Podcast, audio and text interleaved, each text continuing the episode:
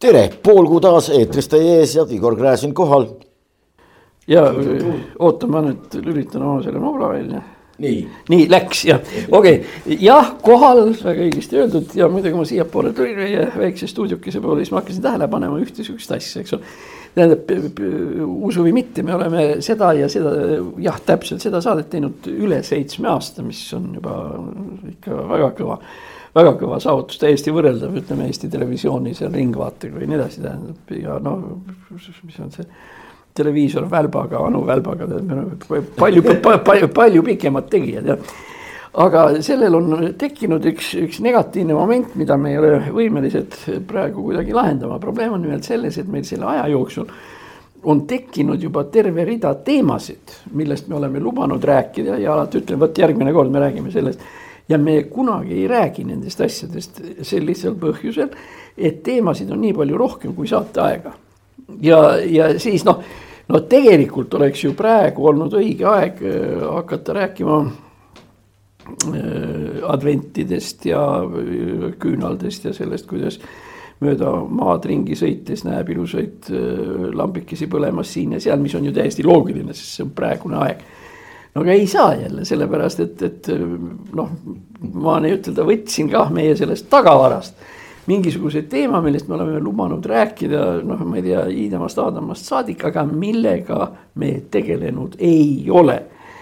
aga see on huvitav teema iseenesest ja ärge siis imestage, et me räägime advendi ajal sihukestest asjadest, aga esiteks me täidame oma lubaduse, et me peame sellel teemal rääkima ja teiseks, kui me praegu ei räägi, siis pärast on, on veel hiljem, veel halvem. Muide, olgu sellega seoses öeldud, et meie järgmine saade, mis on juba jõulude lähedal, no siis me räägime sellest, millest me ka oleme lubanud rääkida, jõuludest ja igasugustest vaimudest ja Eesti rahva muistenditest ja uskudest ja nii edasi. aga see siis järgmine kord, aga täna nüüd on siis teema, mis on ammu aega juba üleval olnud, ma nimetan selle ära ja siis siit lähme edasi. nimelt praegusest alates, ütleme kaks nädalat tagasi võttes ligikaudu, on Eesti rahva ajaloos aset leidnud üks suur ja väga tähtis sündmus, millest me peame rääkima. nimelt esimesel detsembril tuhande üheksasaja kahekümne neljandal aastal toimus bolševistlik või kommunistlik mäss, mida siis suunati Peterburist. ja see on siis võib-olla nüüd esimene ja issand abiga ka viimane selline paha tõsine riigivastane ülestõus, millest ühest küljest tuleks rääkida ja teisest küljest võiks mõelda, mida sotsialism endast üldse kujutab, mida see mäss noh, endaga kandis. See mäss, selle mässuga on niisugune keeruline lugu, tegelikult need sotsialismi ideed hakkasid siia Eestisse no, algselt imbuma oluliselt varem, kuskilt tuhat kaheksasada kaheksakümmend natukene pärast seda siis tuletame meelde, Eesti intelligents kujunes põhiliselt välja, põhiliselt kujunes välja Peterburis, natukene vähem ka äh, Riias. ja, ja tol ajal Eesti jaotus oli natukene teine, see jutt, jutt käis Liivimaast ja Eestimaa, Eestimaa kubermangust. Tuhat üheksasada seitseteist, tuletame meelde, Tartu oli veel Liivimaal paraku. jumal tänatud, jumal tänatud, loodame, loodame, et ta läheb varsti sinna tagasi. loodame, et läheb tagasi, aga oli igal juhul Liivimaal. Ja siis alg- ja siis need bolševistlikud, või tähendab bolševikke siis veel mitte, aga need sotsialistlikud ideed paratamatult hakkasid tol ajal imbuma, neid, nad tulid siia ka, missugused nad välja nägid ja mismoodi neist aru saadi, see on jälle loomulikult igaühe kas rikutuse või parandatuse, oleme siis niimoodi meeleparanduse tee peale asumisel. no need olid loomulikult erinevad, aga lõppkokkuvõttes ei ole see sotsialismuse kampaania Eestisse mitte midagi peale lagunemise, peale mõne noh, poeedi, mitte kõige parema, mõne kirjaniku ka mitte kõige parema mõne eeskujuliku äh, revolutsionääri on siia toodud, kes omade pärast, tõsi küll, hiljem natukene mättasse löödi. vabandust, et ma niimoodi ütlen, aga täpselt nii tehtigi. ja, ja nii edasi ja nii edasi, nendest kampaaniatest ei ole tulnud mitte midagi ja, ja ma mäletan suurepäraselt oma ühte lähisugulast, kes suhteliselt vaoshoituna ja alles kaugelt laagrist tulnuna esimest korda üleüldse televiisorit nägi, kus käis parasjagu saade, kus Ertin, Ervin Martinson talle oh, omases sellises hingematvas stiilis rääkis sellest, rääkis ühe esimesest detsembrist revolut-, sellest mässust osavõtjaga, et kuidas nad olid tulnud sõjaministeeriumi ette ja sealt aknast hakkas korrapidaja ohvitser otsekohe kuulipildujast neile vastu juba teati, kutsuti kõigepealt alla, aga teati, et noh, et all on, mis seltskond seal all on, taheti maha võtta. see ei läinud läbi, sõjaministeeriumi vallutamine ei läinud korda. ja siis vaatasin, esmakordselt niisugune vaikne naeratus ilmus näole ja ütles, et vähe saite ta ise nimelt oligi korrapidaja ohvitser tol korral sõjaministeeriumis valvel, jah. Ervin Martinson. kuidas? Martinson või? Ei, mitte Ervin Martin, eriti Martin Rääk, see oli mu vanaisa. Ja, ja, ja, ja nojah, eh, noh, kui nüüd eh, selle juurde, alguse juurde tagasi tulla, millest sa rääkisid, siis eh, tõepoolest ja igasugused sotsialistlikud ideed. Ah,. muide, kui seoses kaasajaga sa nimetasid ka, et sotsialistlikest ideedest pole kunagi midagi head tulnud ja see on ainult sihuke destruktiivne, noh, viimane on siis meil Jevgeni Ossinovski, eks ole, alkoholi hinna ärarikkumine, kusjuures noh, noh täiesti, täiesti lambist ja täiesti asja eest ei taha, mille, mille, milleks puudus absoluutselt igasugune vajadus no ainukene vajadus võib, võis olla põhjendatud sellega, et tal isal olid Riias, Riia Vanasadamas ja mõnel pool veel olid alkoholiärid. ja et see kõik sinna ümber suunata võib-olla noh, või, või kuidagi niimoodi no Aga... see võis olla ainult, aga see ei pruukinud niimoodi olla, see võib olla minu vandenõuteooria. ei, minu vandenõuteooria on täpselt sama, tähendab, see on ikkagi noh, teatavate poliitiliste kombinatsioonide saavutamine siin Eestis.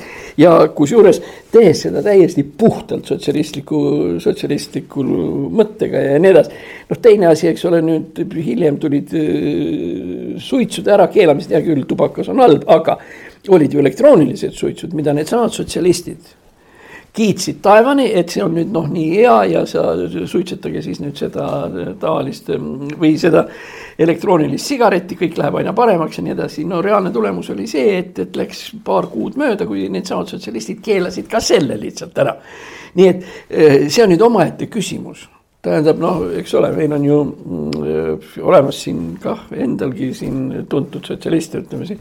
Ossinovskit me nimetasime, eks ole, Indrek Saar ja nii edasi. no Riina Sikkut ja noh, kes iganes, toredad inimesed, aga sotsialistid, aga sotsialist ei saa olla poliitikas, kui ta kellelegi noh, sõna otseses mõttes sitta ei keera. sellepärast, et, et mida rohkem ta seda keerab, seda rohkem võib eeldada, et sotsialistid selle võimu endale saavutavad, saate aru. kui, kui inimesed jäävad mingitest asjadest ilma, siis nad hakkavad vaatama kellegi poole, kes neid mm, kes neid hädast välja aitaks, no ja siis sotsialistid tulevad siia, hoops, meie oleme siin, vaadake, meie oleme siin ja meie teeme seda, seda, seda. Noh, jah. ma tahtsin lihtsalt öelda, et vot see filosoofia on lühidalt kokku võetud. no, no suurepäraselt Solženitsõni Lenin Zürichis, lihtsalt Lenin kõndis mööda Zürichi kaldapealset ja vaatas neid väikekodanlikke maju ta vaatas neid kauplusi, kus nähti vaeva sajanda singisordi, singisordi väljamõtlemiseks. Neid pirukapoode, kus kõikvõimalikud kulinaarid ja, ja, ja, ja kondiitrid nägid vaeva, et tuhandendat sorti mingit saiakesi teha, kõik see lõhnas suurepäraselt. Need väikekodanlikult puhtaks nühitud vasksed maja uste nupud, piinlikkuseni ära pühitud trepid ja, ja need luksuslikud vaateaknad ja kuidas võib ette kujutada, et ühel päeval saabub siia tööliste ja madruste jõuk ja asub seda kirveste ja kangidega kõike lõhkuma. aga on vaja, on vaja. ainukene küsimus, mis vastamata jäetakse, milleks seda vaja on? jah, no noh, tuleme siis, see on nüüd sotsialismist edasi kommunisti Eh, Lenini juurde, kes suri tuhande üheksasaja kahekümne neljandal aastal, olles viiekümne nelja aastane. ja küll on igasuguseid teooriaid olnud, miks ta suri ära, tal pidi süfilis olema, mida tal vist ei olnud. ja tal olid ajus, aju, ajus mingisugune värk jah, ja nii edasi, nii edasi nii et neid teooriaid ja meditsiinilisi teooriaid Lenini surma kohta on noh kümmekond, aga nendest kõige olulisema käis välja, selle nimi oli Bogdanov, keda Lenin ka sõimas, sest ta oli ka marksist. aga Bogdanov oli põhielukutselt siiski eh, hematoloog, ta oli seotud eh, vereasjade ja kõigi nendega ja tema arstina käis välja teooria Lenini surma kohta seal kümme-viisteist aastat hiljem. no mis mulle tundub ainuõigena. Leninit tabas ületöötamine tähendab, probleem oli selles, et Lenin oli istunud Zürichis ja Poolas, Poznanis ja kus iganes. Ja ta tegelikult ju ei teinud mingit tööd. seal käisid seal teised kommunistid, kellest siin on räägitud, Barbus ja, ja kes iganes, kes käisid tema juures malet mängimas või, või siis oli siin Soomes lehtede läbitöötamine, kirjade kirjutamine, kaebekirjade, tegevusjuhiste laiali saat, see oli see. ja, aga sisuliselt, kas ta seda tegi või mitte, no vot me ei tea, aga nüüd, mida me selgelt teame, on see, et pärast seitsmeteistkümnendat, õieti pärast kaheksateistkümnendat aastat. järgnevad kaks-kolm aastat ta tegi tööd meeletult, tema töömaht oligi nii, et see oli kuskil kuusteist, seitseteist tundi ööpäevas. sellepärast, et, et olidki probleemid, nälg, varustus, Menševiki selliste nende vastaste mässude mahasurumised, koosolek siin, koosolek seal, kolmas, neljas ja nii edasi. neljal rindel valgekaartlased erinevates kombinatsioonides, Koltšak ja Denikin ja kes iganes ja nüüd esimest korda Lenin elus peab hakkama tööle, mida ta ei ole kunagi teinud. ta, ta, ta, ta on kogu aeg istunud ju kohvikutes ja, ja neid on, ja neid pole seal palju olnud, neid on seal kümmekond Matsi, kes istuvad seal kohal ja selle arutavad ikka selline kallak ja teistsugune marksismi kallak ja kolmas ja nii edasi. ehk teistes. ja hästi varustatud kohvikutes ainult. kusjuures ja ei maksa unustada. ja hästi varustatud pordumajades. absoluutselt, ei, ei, ei, seda peab ka selgeks, selgeks tegema endale või no selles aru saama. et Lenin ja Lenini noh, väiksem grupeering, kes seal Martov, kes oli seal Valentinov ja nii edasi. Nad elasid hästi sellepärast et, et nendele eraldati rahasid rublades. mis olid tookord olid, rubla tähendas ikkagi, rubla oli kuldraha tegelikult. tähendab, neile eraldati summasid miljonites. noh, mitte kümme miljonit, sada miljonit, aga üks miljon Vene kuldrubla. sellega sai elada kaua iganes ja pluss peale selle, eks ole, noh, keegi trükkis seal ajalehti ja värki ja nii edasi, aga tähendab, ma tahan öelda seda, et et sotsialisti eripära seisneb selles, et sotsialist ei tee tööd ja ta ei taha tööd teha. ja kui ta nüüd nagu Leninil tuli, eks ole, valitsusjuhina, oli vaja hommikul kaheksast peale hakata õhtul kaheksakümneni, mis, mis on ju tegelikult no täiesti, täiesti normaalne ja läkski ja läkski sellepärast hukka. muidugi ma ütlen, et kaheksast ja nii edasi on normaalne, jällegi, kui ma siia sõitsin, autos raadio mängis. meie austatud peaminister Jüri Ratas on praegu kodukarantiinis ja siis tema käest küsiti, et kuidas sa töötad ja nii edasi, ta ütles noh ei, et ikka saab enam-vähem ära teha ja, ja nii edasi, et. et noh, eile, et eh, see oli siis nüüd siis, kui saade eetrisse läheb, ütleme, see on rohkem kui eile. ühesõnaga, et eile ma noh, nagu veerand kaheksast alustasin ja kolmveerand kaksteist õhtul lõpetasin. nii, see on Jüri Ratase heas seisus oleva rahumeelse, jõuka Eesti peaminister, kes peab niimoodi tööd tegema. ja kujuta nüüd endale ette Leninit, tähendab, kes, kes siis äh, uhab seal äh, ja kellel objektiivselt võttes noh, ongi jama kusjuures seal Lenini puhul tuleb veel ühte asja arvestada, mis tänapäeva sotsialistidel eriti hästi välja ei kuku. Leninil tekkis üks ülesanne veel seoses riigi juhtimisega. et tal oli vaja välja töötada kaks teineteist välistavat, kaks teineteist välistavat teooriat või sotsialismi või seda teooriat, see üks oli siis see üleminek NEP-ile eks ole. uus majanduspoliitika. uus majanduspoliitika ja, ja, ja see ei olnud päris nii, et nüüd homsest teeme, siin oli natukene mõelda vaja ja kahtlemata Lenin oli geniaalne vend. ja enne seda üleminek sõjakommunismile ehk teiste sõnadega, kus inimeste käest lihtsalt võeti kõik asjad korraga ära. ja see ei ole nii, et sa saadad soldati sinna ja ütled, võtad ära või teed seda. sul peab olema mingisugune teoreetiline pilt. no alates sellest, et no kui suured summad laekuvad, kui palju läheb otse eelarvesse, kui palju tuleb tagasimaksmisele ja nii edasi. sellega on vaja tegeleda, see on pastaka ja sellega, nii et lisaks ah,, õige, tol korral oli pliiats aga, aga, aga no see on nüüd üks näide, et, et Leninil tõepoolest oli koormus suur ja Lenin ei olnud harjunud tööd tegema ja siis oligi valmis. kuule, aga ega keegi ei ole ära muutnud ka pols-, sotsialistide põhiteesi ehk siis sotsialismi võit kõikides maailma riikides, ülemaailmne levik. vot see oli. internatsionaal. see oligi nüüd see koht, mis Leninile hukka läks nagu, nagu kergelt ja see, mis on, vot nüüd me tuleme Eesti juurde tagasi, Eesti detsember tuhat üheksasada kaheksakümmend neli. Äh, Marx, selle kõige rajaja kellel on aega ja viitsimist, vaadake palun järele Kommunistliku partei manifest, see on. tuhat kaheksasada nelikümmend kaheksa. tuhat kaheksasada nelikümmend kaheksa, mis ta võib olla, no. noh, seal ütleme viiskümmend lehekülge või tegelikult tagumine ots isegi ei ole tähtis.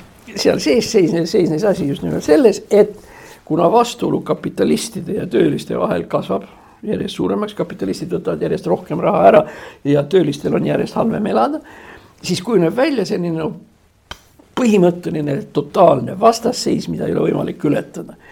ja selge, et kui me räägime, kuidas ühiskond edasi läheb, siis ta läheb edasi, eks ole, on arenenud, vähem arenenud ja üldse mitte arenenud riigid. no mittearenenud riikidest nagu Venemaa muide, pole mõtet üldse rääkida sellepärast see on niisugune talupoegade maa, no keskmised olid siin ja seal äärealal ja tõeliselt arenenud olid siis eeskätt Inglismaa ja Saksamaa. kus, kus peabki tekkima see moment, et noh nüüd ongi proletaarne revolutsioon ja seal, kus ühesõnaga nüüd see revolutsioon peale hakkab, seal siis nüüd, sealt nüüd siis nagu hakkab tekkima no ma ei tea, ütleme epideemia või nimeta seda kuidas tahed. ühesõnaga see, see asi hakkab laiali minema üle terve Euroopa, aga ta algab keskelt. ja, ja noh, seal oli seletus ka selle kohta. ja Lenin vaatab, et oh-ohoo, tvašumait, ei hakka tähendab äh, Euroopas keskel midagi ei hakka. ja Venemaal on, Venemaa on talupoeglik riik kus, kus üheksakümmend protsenti olid talupojad ehk teiste sõnadega jällegi proletariaati ei ole. nii et mis me siis nüüd teeme? ja vot nüüd tekib mõte, okei okay,, kui see iseenesest Saksamaal ja seal ei hakka peale siis tuleb hakatada. siis tuleb hakatada ja, ja tuleb hakatada siis kui noh, kuskil mujal, kus seda on suhteliselt lihtne teha. Eesti, Läti, Soome ja nii edasi, et, et tähendab, siin on, nad on väiksed, piisavalt arenenud. Eesti võrreldes ülejäänud Venemaaga on kõrgelt arenenud. Selline regioon, Soome täpselt samuti.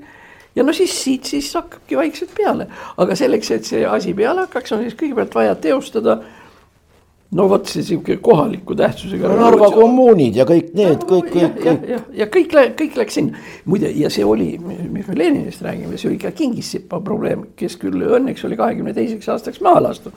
aga kelle pea käis ka ikkagi sinnapoole, ta ei mõelnud mitte ainult Eesti peale, ta mõtles ikkagi maailma revolutsiooni peale, mis teoreetiliselt peaks välja nägema siis niimoodi, et Eestist nüüd hakkab peale noh, natuke areneb, eks ole, sinna Soome ja nii edasi, siis tulevad äh, arenenud riigid, seal Poola ja nii edasi ja, ja nii hakkab see suur maailmarevolutsioon peale, nii et selles mõttes oli Eestil esimesel detsembril kahekümne neljandal aastal tähtis koht, seepärast et siit pidi see asi käima minema.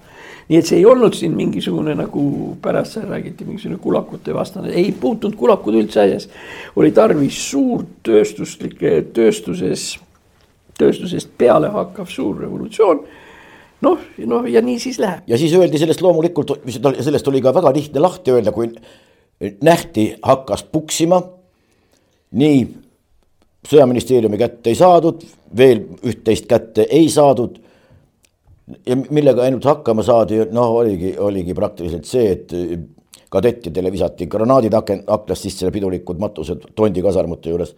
nüüd on siia, nüüd on taas paigaldatud ka ausammas. aga, aga ja oligi kõik. ja rahvas, muide üks oli väga laialdaselt matuse talitusel osales, see oli nagu üldriiklik lein, kui neid kadette, kui ma ei eksi, oli neid üksteist, üksteist kirstu, mis läbi rahva toodi äh,.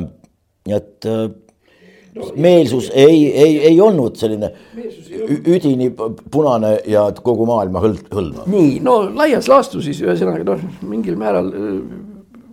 no ühesõnaga niimoodi, Eesti kommunistid, kellel läks juba esimene kord halvasti, kui nad pärast seitsmeteistkümnendat, kaheksateistkümnendat aastat siit lihtsalt minema löödi või teised vangi, nii et nendel läks juba halvasti. nähtavasti neil oli Peterburis, kus nad elasid, igav või tekkis mingisuguseid uusi värskeid ideid mis klappis väga hästi kokku sellise no partei keskkomitee joonega.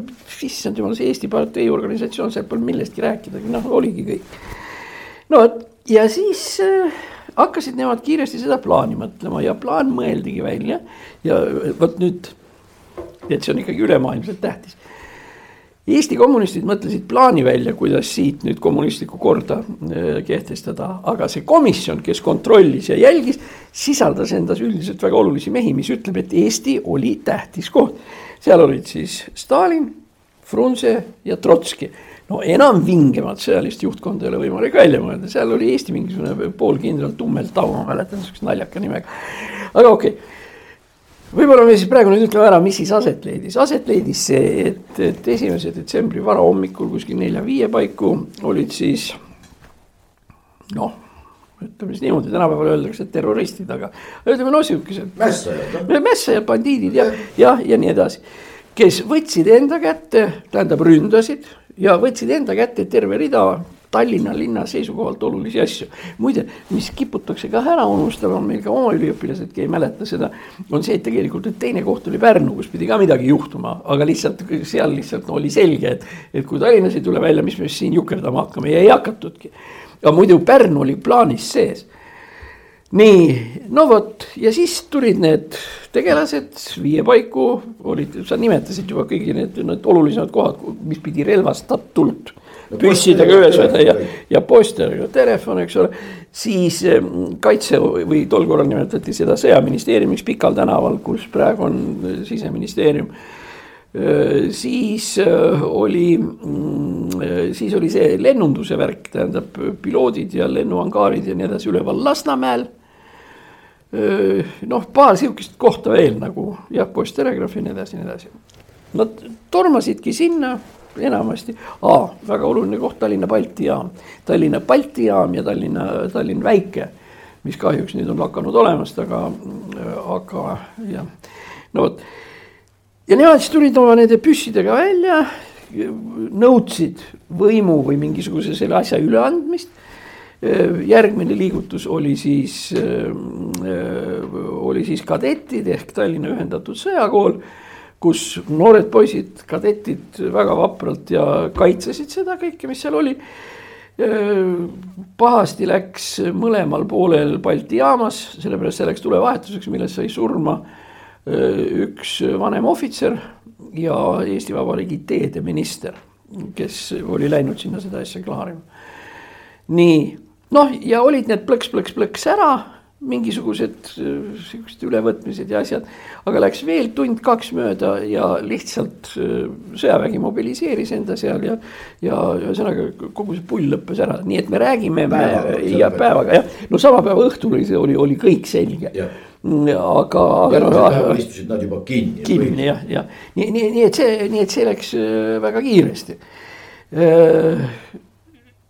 no, no, no mis, no mis sa selle peale nii väga ikka siis oskad ütelda, tähendab Eesti valitsus ja Eesti sõjajõud näitasid, et nad on väga võimekad. nagu praegu räägitakse üldiselt, olid ka sõjaväeluure oli üldiselt asjaga kursis, et sihuke asi tuleb.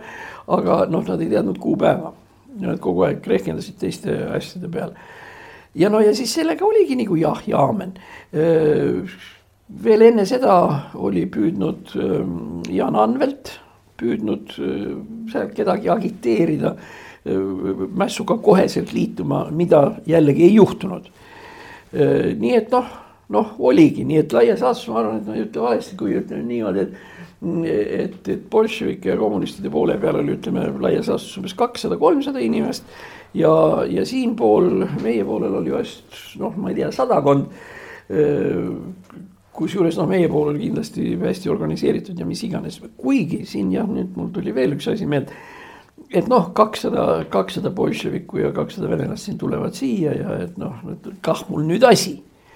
mille jaoks ausammas teha ja nii edasi, see ei ole kah mul nüüd asi, sellepärast et tegelikult Pihkva oblastisse ja sinna Kingissepa või Jamburgi taha oli mobiliseeritud kuskil ligi kolm ja pool tuhat, neli tuhat inimest, kes oleksid tulnud üle piiri kohe, kui siin oleks vähegi minema asi või ja saadud see asi mm, käima. nii. aga ei tulnud sinust midagi, aga idee iseenesest hingitses, hingitses edasi, kuni pääses tuhat üheksasada nelikümmend. jah. õnn tuli meie õuele au Kaloosi korrale kuule, aga sa tead, kes seda laulu laulab? ei tea. pane telekas käima, kusjuures laulab hästi mm, -hmm. laulab kohe väga hästi, see on ilus laul. õnn tuli meie jõuelaul kolhoosi korrale, seda laulab Georg Ots ah..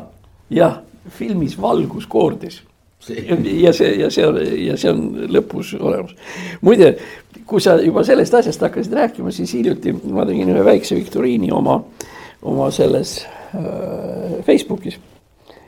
ja ma võin sinu peal ka seda asja proovida. nii, äh, Eesti üks noh, rahvusvaheliselt kõige tuntumaid laule, jätame igasugused need äh, Eurovisioonid ja need kõrvale, aga lihtsalt Eesti üks kõige tuntumaid laule mm, on see, on Saaremaa valss seal laupäeva õhtuselt lõhnavad kased, kui nendesse vajutatud, nii küsimus. Valgre. Valgre, seda on vähe. nüüd lähme edasi, kes on teksti kirjutanud? Ja kus hea küsimus, tähendab, ma tean, et alguses ta oli üldsegi, kogu see lugu oli minooris. ja, ja siis pärast ümber teha ja, ja, ja, ja, aga ja, ja, aga see noh, Valgre sa juba ütlesid ära, okei okay,, aga nüüd, kes need sõnad kirjutab? no uustulnud küll ei olnud. ei olnud see jah no,. uustult polnud sündinudki siis arvad sa, et ei olnud või? no ma, okei okay., mina jäin vahele, no ütle sina nüüd ära. ma jään sulle vastuse võlgu. nii Deborah Vaarandi. nii. ma oleks võinud selle peale tulla. oleksid võinud nii, no ma küsin, tulen nüüd järgmise asja peale. tähendab, kuidas on, eh, mis on selle luuletuse või selle nimi, mis Deborah Vaarandi tegi? suve või muinaslugu, suve või muinasjutt, ei. ei, teeme lihtsamalt. tähendab, see on Talgud löönesoos. jah, nii et mine sinna, kontrolli Talgud löönesoos ja see on selle asja lõpus. tähendab, see on kõige viimane, no viimased neli või viis äh, salmi. võtad raamatu, keerad viimase lehekülje ja seal tal on, seal laupäevaõhtus tehtud ka seda, aga nüüd tuleb järgmine huvitav asi. tähendab, juhul kui sa näed seda raamatut, ma ei tea, äh, eriti kui sa võtad need vanemad väljaanded, nelikümmend kaheksa, nelikümmend üheksa või millal see asi oli siis see on nii nagu vaata tol korral olid ju raamatud äh, kollakad noh, sihukesed no umbes sellist värvi, tähendab puhast valget värvi, no Nõukogude. Nad kes-, nad läksidki kollakamaks, nad pleekisid. pleekisid jah, ja siis nii. ja nüüd siis võtad sa selle kollase brošüüri siin ja siis siin on peal, tähendab kaks punast lippu, mis lehvivad. no nii nagu väga paljudes asjades, Stalini teosed olid muide ju sama, sama värvitooniga ja nii edasi. nii, ja vot nüüd tuleb probleem. et tähendab, me teame Deborah Vaarandi, seal laupäeva õhtul on kaset ja me teame Raimond Valgret. küsimus tuleb nüüd. kuda kurat Valgre selle luuletuse üles leidis? sest eks ole, nüüd on ta siis poliitkirjastuse või kuskil, seal on ühesõnaga nüüd see punane või kollakas punasega. luuletus on siin taga. Valgre tuleb raamatupoodi. kus on loogika miks ta esiteks, teades, et tegemist on ju džässmuusikuga ja, ja nii edasi, nii edasi, nii edasi. no kui ma oma rikutuse tasemelt hakkaksin võtma, siis võib-olla oli see raamat löödud juba suure vihaga mingisuguse naela otsa, ta oli, kaunistas mingisugust seina ja viimane leht oli alles ja muide, muide, muide, muide ei ole sugugi mitte välistatud, aga tead, minu jaoks ongi. või keeras ta sellest plotski. minul oligi just see probleem, et vaata noh, kollane punasega ja nii edasi talgud löönesoos, kusjuures algusjutt on nii padukommunistlik kui üldse olla saab, kuidas seal partorg tuleb ja taat mõtleb, et ikka uuel ajal hakkame nüüd seda tegema. ja nüüd saad aru, selle, selle asja lõpul on siin, seal laupäeva õhtuselt lõhnavad kased. ja mul ei ole sellele vastust, sellepärast et kui Valgre läks raamatupoodi ja ta tõenäoliselt käis raamatupoes, siis on see viimane raamat, mille ta, mida ta sirvima hakkab. ja isegi kui ta selle kätte võtab siis viimane lehekülg on viimane, mille peale ta vaatab. nii et selles mõttes puudub absoluutselt igasugune loogika, kuidas sai Valgre selle laulu üles leida. aga, aga ma ei oska, ma ei oska sellele vastata. jah, muidugi see Peldiku variant muidugi ka jah, ei noh, ma, ma millegipärast ei, ei. jah, ei, ei ja, ja Deborah Varandi oli, oli sel ajal haiglas tuberkuloosiga ja noh, ei oska mina siin nagu väga midagi hinnata, aga öelda, aga, aga ütleme, sellised inimesed, kes, kes kirjandusega ikkagi noh, väga kõvasti tegelevad ja poliitikaga ja nii edasi, noh Siim Kallas või keegi, siis tegelikult mm, noh, nemad leiavad ja, ja mis võib-olla on osaliselt ka tõsi, ma ei oska öelda, et Deborah Varandi oli ka Juhan Smuuliga võrreldes oluliselt parem luuletaja. Tähendab, kui panna kõrvuti kõik, mis on see kirjutanud ja see kirjutanud, Deborah Varand lugev, nii et noh, võrreldes näiteks ka Aleksander Blokiga ja nii edasi, vene, vene luuletajatega. noh, oli Majakovski oluliselt tugevam ja meie häda on selles, et, et meie jaoks on need nii, niivõrd kommunistlikud, et, et noh, me nagu ei oska seda kirjandust võrrelda. aga tea, miks me sellest rääkima hakkasime, ma ei mäleta. no selge, kuule, aga tuleme oma sotsialismuse idee juurde tagasi. ega see sotsialismuse idee ei sure mitte kuskile. sellepärast, et see on väga paljude jaoks väga tulutoov. see väga paljudel võimaldab muide, nagu sa minu meelest jumala õigesti ja täpselt välja tõid, see, et ei peagi midagi tegema, ei pea tööd tegema, sa lihtsalt naudid ja jaotad ümber, aga jaotad ümber teiste tehtud sellisel viisil, kõigepealt endale, siis mis üle jääb. jah, no siin on, siin on paar asja võib-olla, mis tead, mis meil õnneks veel aega natukene on, et tähendab sotsialism, okei. Okay suur sotsialistlik oktoobrirevolutsioon, siin see oktoobrimäss ja nii edasi ja, ja siis on olemas igasugused ühingud, Sotsialistlik Internatsionaal või Eesti Sotsiaaldemokraatlik Erakond ja nii edasi, mis kõik iganes on olemas äh, sotsialismiga seoses. Mm, äh, mitte igasugune sotsialism ei ole otseselt vägivaldne, aga iga sotsialism on kahjulik ja paha.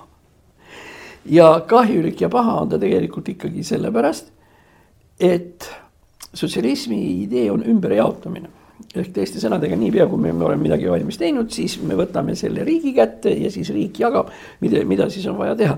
me nägime ju seda siin kolmkümmend, nelikümmend aastat tagasi, püha jumal, siis kui, siis kui talongidega sai osta külmutuskappi ja ma ei tea, mis, mis asjad iganes. sest sotsialismi seisukohalt on ümberjaotamine, baseerub sellel, et kõik on riigi omand tähendab, ei olegi niimoodi, see asi ei ole sinu oma, see asi ei ole sinu, see on nende oma. ja riik on sotsialisti oma. ja, ja riik on sotsialisti oma ja vot nüüd tuleme, riigi sotsialisti parim, riikliku sotsialisti parim näide on, on omal ajal eksisteerinud riiklik plaanikomitee. ja teine asi oli siis äh, siinsamas Toomemäel üks, ma ei tea, üks viissada meetrit siit eemalt oli Eesti NSV riiklik hinnakomitee ehk teiste sõnadega hinnad ja tooted olid riigi poolt dikteeritud, see ei olnud päris nii. kommunaritehas ei saanud toota nii palju vabrika, neid saapaid ja see, mida ta tahab, vaid nii palju kui kästi. kauplus ei saanud müügiks nii palju saapaid, kui ta tahab, mm, vaid nii palju, kui riigi plaan talle selle andis. kusjuures eh, tähendab, siin on nüüd veel üks huvitav nüanss plaanimajandus läks vastu taevast, sellest ei tulnud mitte midagi välja, tähendab, me elasime vaeselt, meil ei olnud seda, teist, kolmandat, neljandat saada ja nii edasi. see kõik läks vastu taevast, nüüd. järsku oli viga selles, et planeeriti halvasti. Edgar Savisaar oli Eesti plaanikomitee esimees näiteks pikka aega ja, ja, ja, nii edasi. järsku nad istusid maas ja planeerisid valesti. ja sellepärast millest muide tuleneb, vot see on nüüd siis praeguste sotsialistide, Eesti sotsialistidega idee. niipea kui me saame targemad inimesed riigi etteotsa, siis läheb kõik hästi. tähendab, kui hakatakse saapaid planeerima, aga siis noh, targasti ja nii edasi vaadatakse, mitu inimest maailmas on. nii ja siis me teeme seda. ja vot nüüd tulebki see point, et planeerida hästi ei ole põhimõtteliselt, ei ole võimalik üks Ungari plaaniteadlane ja kes Harvardis töötab, seda, seda lihtsa näite, tehas toodab naelu. nüüd on ette nähtud, eks ole, nii palju ehitisi, nii edasi, nii edasi. on vaja toota nii palju naelu. tehas toodab hästi väikseid naelu, sellepärast et ta saaks selle numbri väga kiiresti täis. ja väiksed naelad lähevad ehitusobjektidele ja katused kukuvad kokku, sellepärast väike nael ei pea katust kinni. Okei okay,, planeeritakse asi ringi, ärme planeerime naelu, tähendab, hakkame naelu või tähendab, planeerime naelu, aga teistmoodi. planeerime seda siis äh, Suurem kaalu, kaalu järgi jah, tähendab suuremad naelad jah, õige. Ja, ja ühesõnaga noh näitajad on ju ilus. näitaja on ilus, aga nüüd selgub, et see nael, kui ta jõuab ehitusele, ta on nii raske, et katus kukub sisse. Ja siit tekib nüüd küsimus, tähendab, kuidas sa pidi, kuidas pidi sa saad neid naelu üldse planeerida, vastus on mitte kuidagi. ja, ja, ja see kehtib, see kehtib absoluutselt kõikide plaanitavate asjade kohta. no meil oli. loogiline on see ots, sedapidi, et kui nii on, meil on vaja nii niisuguseid ja niisuguseid naelu, nii ja nii palju, palun tehke. ja ei, see tegelikult iga direktor teab, et, et tal on, et tal on ette nähtud näitajad ja neid näiteid ei tohi olla liiga palju. peale selle veel noh, hea küll, ütleme direktori võtame altpoolt ehk vabriku juhi või juhatuse esimehe, nagu praegu öeldakse, aga no aga siis on ju ka niimoodi, et mm, et ta saab väga kiiresti aru see tehas või, või nii edasi, nad saavad väga kiiresti aru, et üks näitaja on tähtsam kui teine.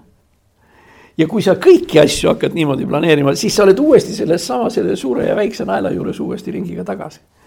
Nii et see lihtsalt on näide selle kohta, noh, olgu teine. elektrijaam on ette nähtud nii mitu kilovatt-tundi, vot toodab, toodab, toodab, toodab.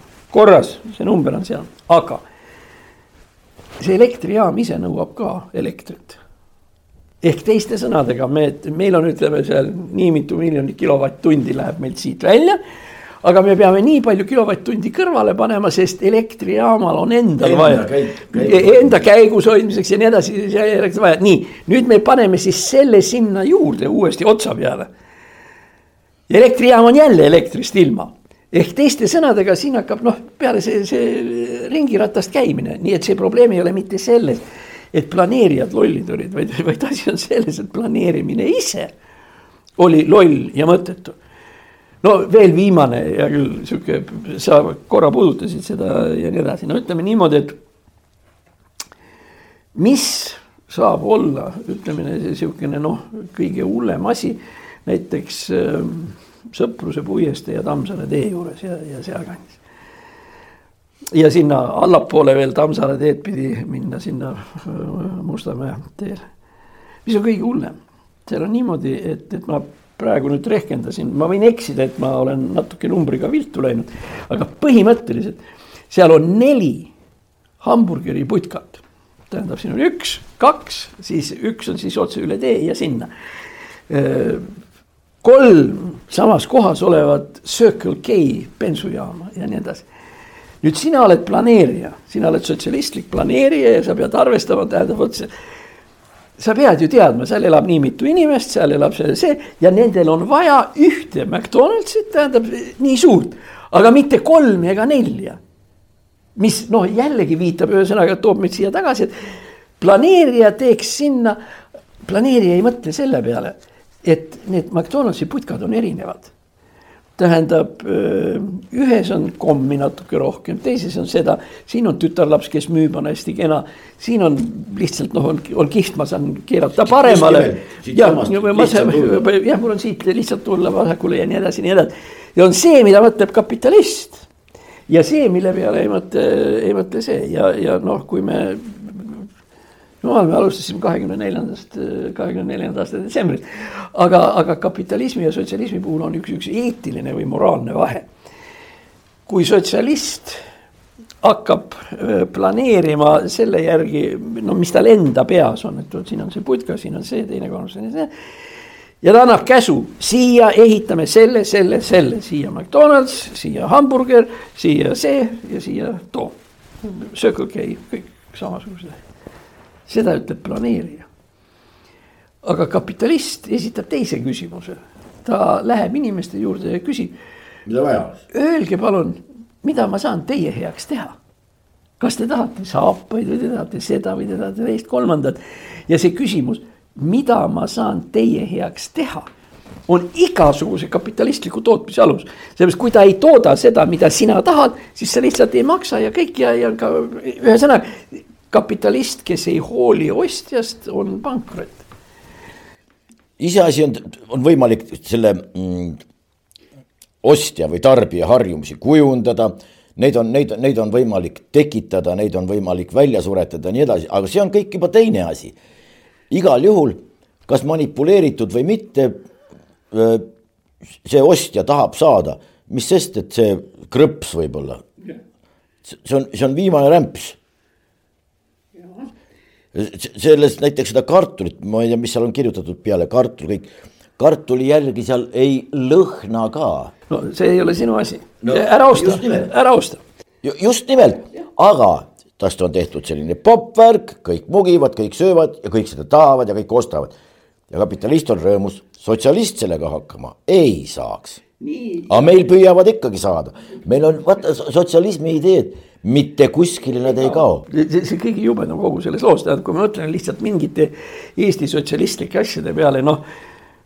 no enam-vähem kukkus välja Elron, nagu ei ole probleemi eriti, siis nii palju, kui vähegi võimalik on, noh, eks ole, riigifirma aga, aga no pane siia kõrvale Eesti Energia näiteks, millest me oleme, millest me oleme kümne ja Eesti Energia tüüpiline katastroof, kusjuures Eesti Energia on üles ehitatud täpselt samadel riigi põhimõtetel, milledest unistas Viktor Kingissepp aga tol korral läks. sotsialismi apoteoos on muidugi Eesti lennundus.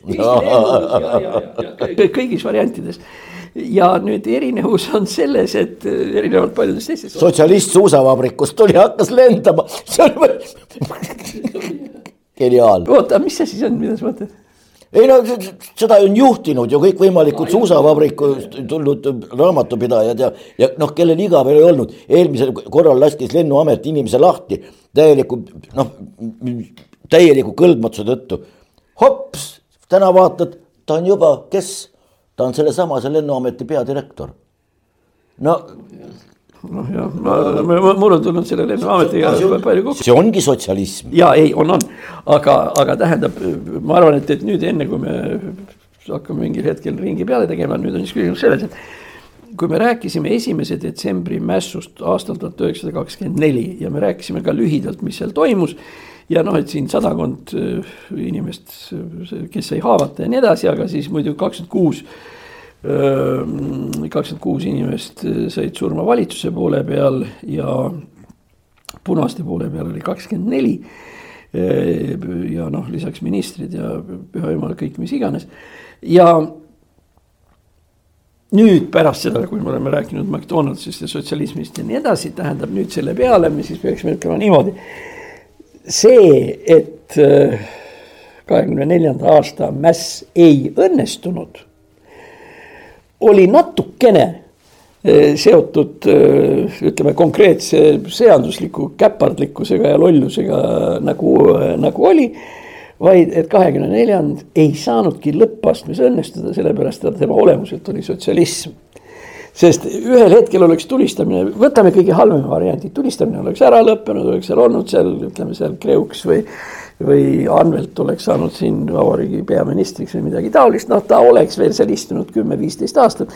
esiteks oleks Stalin tõenäoliselt ta kohe ära koristanud, sest ta, sest.